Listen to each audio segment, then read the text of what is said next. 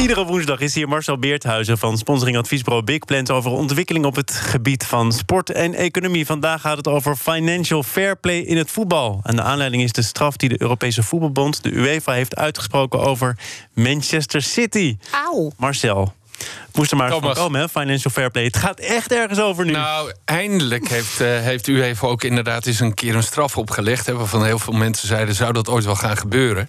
Eh, dat fina- Financial Fair Play is er gekomen in twee- 1 juni 2011. Omdat in het eerste decennium van deze eeuw er heel veel clubs in de problemen kwamen. En de toenmalige eh, voorzitter van de UEFA, Michel Platini, zei: ja, ook voor de toekomst van het voetbal. En ook om de gelijkheid te bevorderen tussen de clubs. moet er gewoon een systeem komen dat er niet iedereen maar iedere club enorme schulden kan maken. En dan maar weer kijken hoe ze eruit komen. Dus we moeten ze veel meer gaan controleren. En als ze zich niet houden aan die regels, ja, dan moeten we ook mogelijkheden hebben om ze te straffen. En er zijn eh, veel clubs de afgelopen jaar ook al in het vizier geraakt van Ja. financial fair play. Nu krijgt Manchester City echt een behoorlijke straf. Ja. Wat is daar gebeurd? Ja, dat heeft eh, eh, onder andere met de sponsoringregels te maken. Dus er zijn eigenlijk twee bela- belangrijke onder- onderdelen van het financial fair play. Eén is, je mag in drie jaar niet meer dan 30 miljoen verlies maken. En het andere is dat gelden uit sponsoring ook in verhouding moeten zijn tot, eh, tot je begroting. En nou, Manchester City heeft een shirtsponsor Etihad Airlines, hè, van, ook uit Abu Dhabi, wat ook de eigenaar is van de club. Eh, en wat blijkt, ja, die betalen niet 75 miljoen, maar is uitgekomen onder andere door voetballeaks en Der Spiegel, dat ze maar 9 miljoen betalen. En dat betekent dat de rest van het geld gewoon wordt gefourneerd door de eigenaar van de club. En dat mag dus niet. En nu heeft u even gezegd. Jij bent stout geweest, Manchester City. Je krijgt 30 miljoen euro eh, eh, straf. En je mag twee jaar niet meer meedoen aan de Champions League. En dat kostte zeker 275 miljoen. Ik snap dat er regels zijn opgesteld. Ik snap dus ook dat je niet zomaar kunt teren op eh, de, de zak van je rijke investeerder. Maar waarom mag het eigenlijk niet? Er is nou eenmaal een eigenaar van die club, die is vermogend. Dat is ook de reden dat hij die club heeft. Ja, laat het gewoon gebeuren. Waarom moet dit aan banden worden Ja, gelegd? dit is voetbal. Hè. Je zou natuurlijk zeggen in een vrije markt. Ik bedoel, als, eh, eh, als Volkswagen Tesla wil kopen, dan, dan doen ze dat gewoon. En hè, dan gaan ze daarmee verder. Ja, dit is natuurlijk wel bedoeld eh, ook als manier om het voetbal gezond te houden en interessant te houden. En een grote kracht van het voetbal moet natuurlijk zijn dat het onvoorspelbaar is. En dat je van tevoren niet weet wie er gaat winnen. Nou, hè, dat is de gedachte achter deze regels. Pakt dat allemaal goed uit? Hè? Nee, dat is niet zo. Want er is ongelijkheid. De rijken worden steeds rijker, de armen worden steeds armer. Ook omdat ze rijk worden via de Champions League. En daar is natuurlijk willens en wetens over nagedacht door de UEFA zelf. Ook doe je UEFA zelf. En, en, eh, dus het geld van de boetes wordt dan een beetje verdeeld over de rest van de clubs. Maar dat gaat natuurlijk per saldo helemaal nergens Maar was over. het sponsorship geweest van Etihad, dan was het geen probleem geweest. Nou, als ze dat 75 miljoen. volledige bedrag hadden betaald, dan was het geen probleem eh, geweest.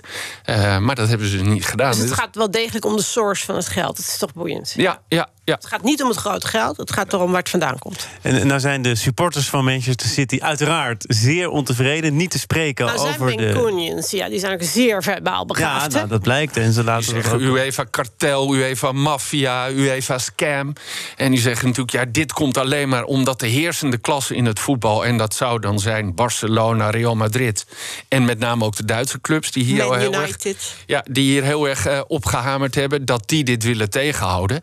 En wat, eh, eh, wat, wat Manchester City ook zegt, ja, dit is de UEFA, die bepaalt de regels, die beoordeelt de regels en die geeft ook de straffen. Ja, Ja. nou, onderzoeker, aanklager en rechter Ja, tegelijk. Ja. Eh, Dat nou is ja, toch volgens mij ook in zekere zin een beetje zo. ja, dat is ook zo. Aan de andere kant, alle clubs hebben deze regels afgesproken. Hè? Iedereen is erbij geweest. Eh, het was ook heel duidelijk wat de regels waren. Heel veel partijen zijn het er ook mee eens dat het op die manier moet.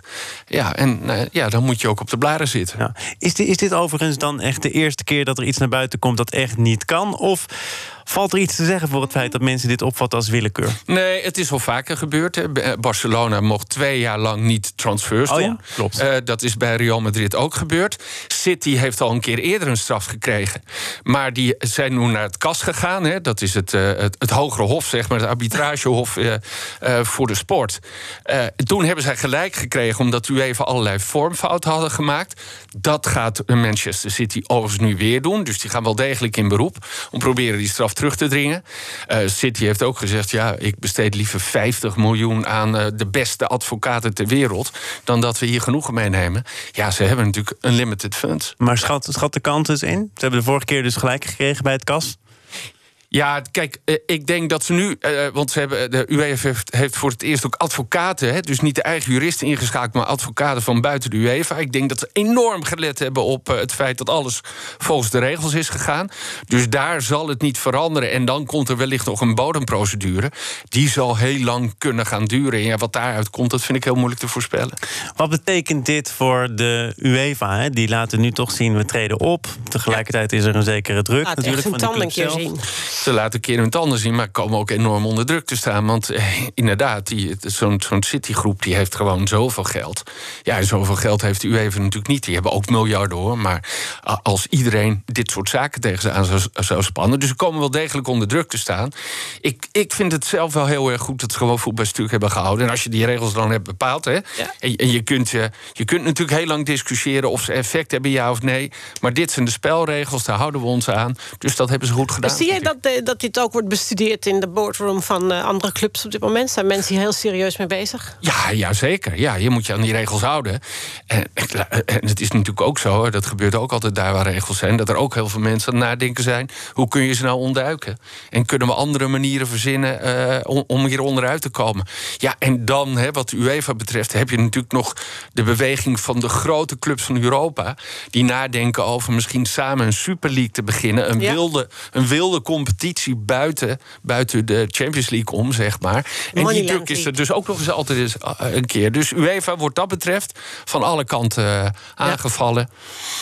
Ja, uit- uiteindelijk moet het bedoeling zijn dat het voetbal interessant blijft, onvoorspelbaar blijft, spannend blijft. Ehm, nou, of dat lukt is de vraag. Wat wel zo is, en dat is elke keer wel weer de les, wat er ook gebeurt, mensen houden zoveel van voetbal dat ze niet snel weglopen. Hè. Dus eh, En de trainer houdt genoeg van Manchester City om in ieder geval te zeggen: ik blijf twee jaar. dat heeft hij gezegd, ja. Oh, Maar ik, we spreken elkaar de volgende week nee, over. Nee, ja, ik- ik geloof vast dat hij dat gaat doen. Marcel Beerthuizen, tot volgende week. Tot dan. BNR Zaken doen wordt mede mogelijk gemaakt door Regina Cheli. Het Taleninstituut. Ook bekend als de Nonnen van Vught. Meer zien? Ga naar bnr.nl.